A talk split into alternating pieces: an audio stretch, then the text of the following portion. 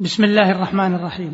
الحمد لله رب العالمين والصلاة والسلام على أشرف الأنبياء والمرسلين نبينا محمد وعلى آله وصحبه أجمعين. أيها المستمعون الكرام سلام الله عليكم ورحمته وبركاته.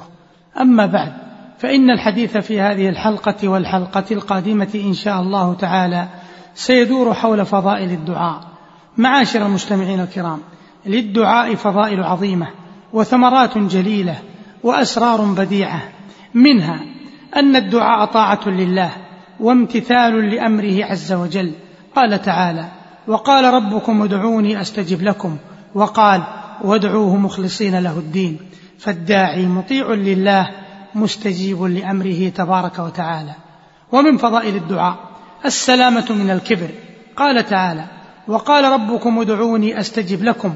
إن الذين يستكبرون عن عبادتي سيدخلون جهنم داخرين.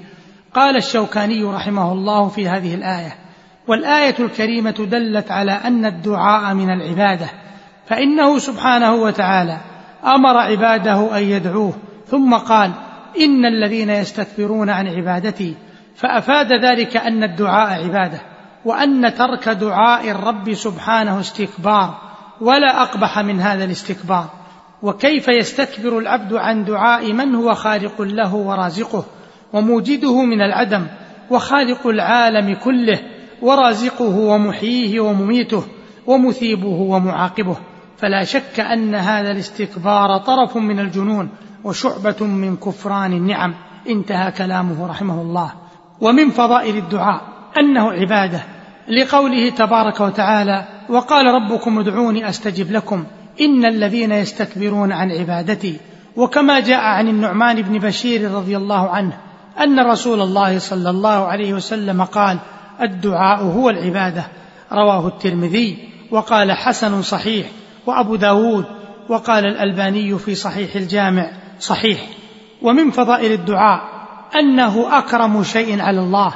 فعن أبي هريرة رضي الله عنه عن النبي صلى الله عليه وسلم أنه قال ليس شيء أكرم على الله عز وجل من الدعاء. رواه أحمد والبخاري في الأدب المفرد وابن ماجه ورواه الترمذي وصححه الحاكم في المستدرك ووافقه الذهبي وحسنه الألباني. قال الشوكاني رحمه الله في هذا الحديث قيل وجه ذلك أنه يدل على قدرة الله تعالى وعجز الداعي. والأولى أن يقال إن الدعاء لما كان هو العبادة وكان مخ العبادة كان أكرم على الله من هذه الحيثية لأن العبادة هي التي خلق الله سبحانه الخلق لها كما قال تعالى وما خلقت الجن والإنس إلا ليعبدون انتهى كلامه. ومن فضائل الدعاء معاشر المستمعين الكرام أنه محبوب لله عز وجل. فعن ابن مسعود رضي الله عنه مرفوعا سلوا الله من فضله فإن الله يحب أن يسأل رواه الترمذي وضعفه.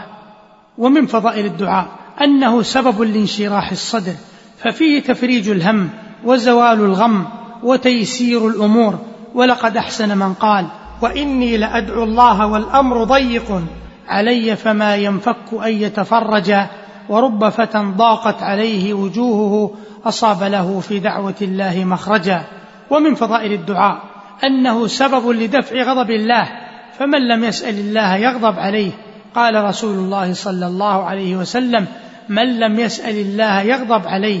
أخرجه أحمد والترمذي وابن ماجه وصححه الحاكم ووافقه الذهبي. ففي هذا الحديث دليل على أن الدعاء من العبد لربه من أهم الواجبات وأعظم المفروضات لأن تجنب ما يغضب الله منه لا خلاف في وجوبه. ولقد أحسن من قال لا تسألن بني آدم حاجة وسل الذي أبوابه لا تحجب الله يغضب إن تركت سؤاله وبني آدم حين يسأل يغضب. ومن فضائل الدعاء أنه دليل على التوكل على الله فسر التوكل على الله وحقيقته هو اعتماد القلب على الله وحده. وأعظم ما يتجلى التوكل حال الدعاء ذلكم أن الداعي حال دعائه مستعين بالله مفوض أمره إليه وحده دون من سواه. ثم إن التوكل لا يتحقق إلا بالقيام بالأسباب المأمور بها فمن عطلها لم يصح توكله والدعاء من أعظم هذه الأسباب إن لم يكن أعظمها. ومن فضائل الدعاء أنه وسيلة لكبر النفس وعلو الهمة فبالدعاء تكبر النفس وتشرف وتعلو الهمة وتتسامى.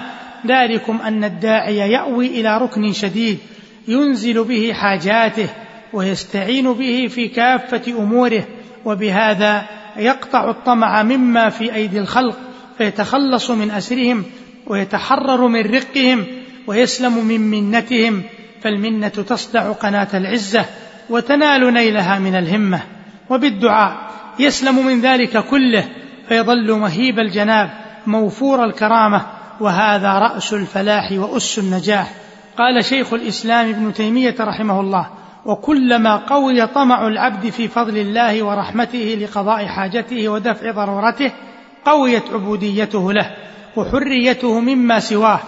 فكما أن طمعه في المخلوق يوجب عبوديته له فيأسه منه يوجب غنى قلبه. انتهى كلامه. ومن فضائل الدعاء أنه سلامة من العجز ودليل على الكياسة. فعن أبي هريرة رضي الله عنه أن النبي صلى الله عليه وسلم قال أعجز الناس من عجز عن الدعاء وأبخلهم من بخل بالسلام.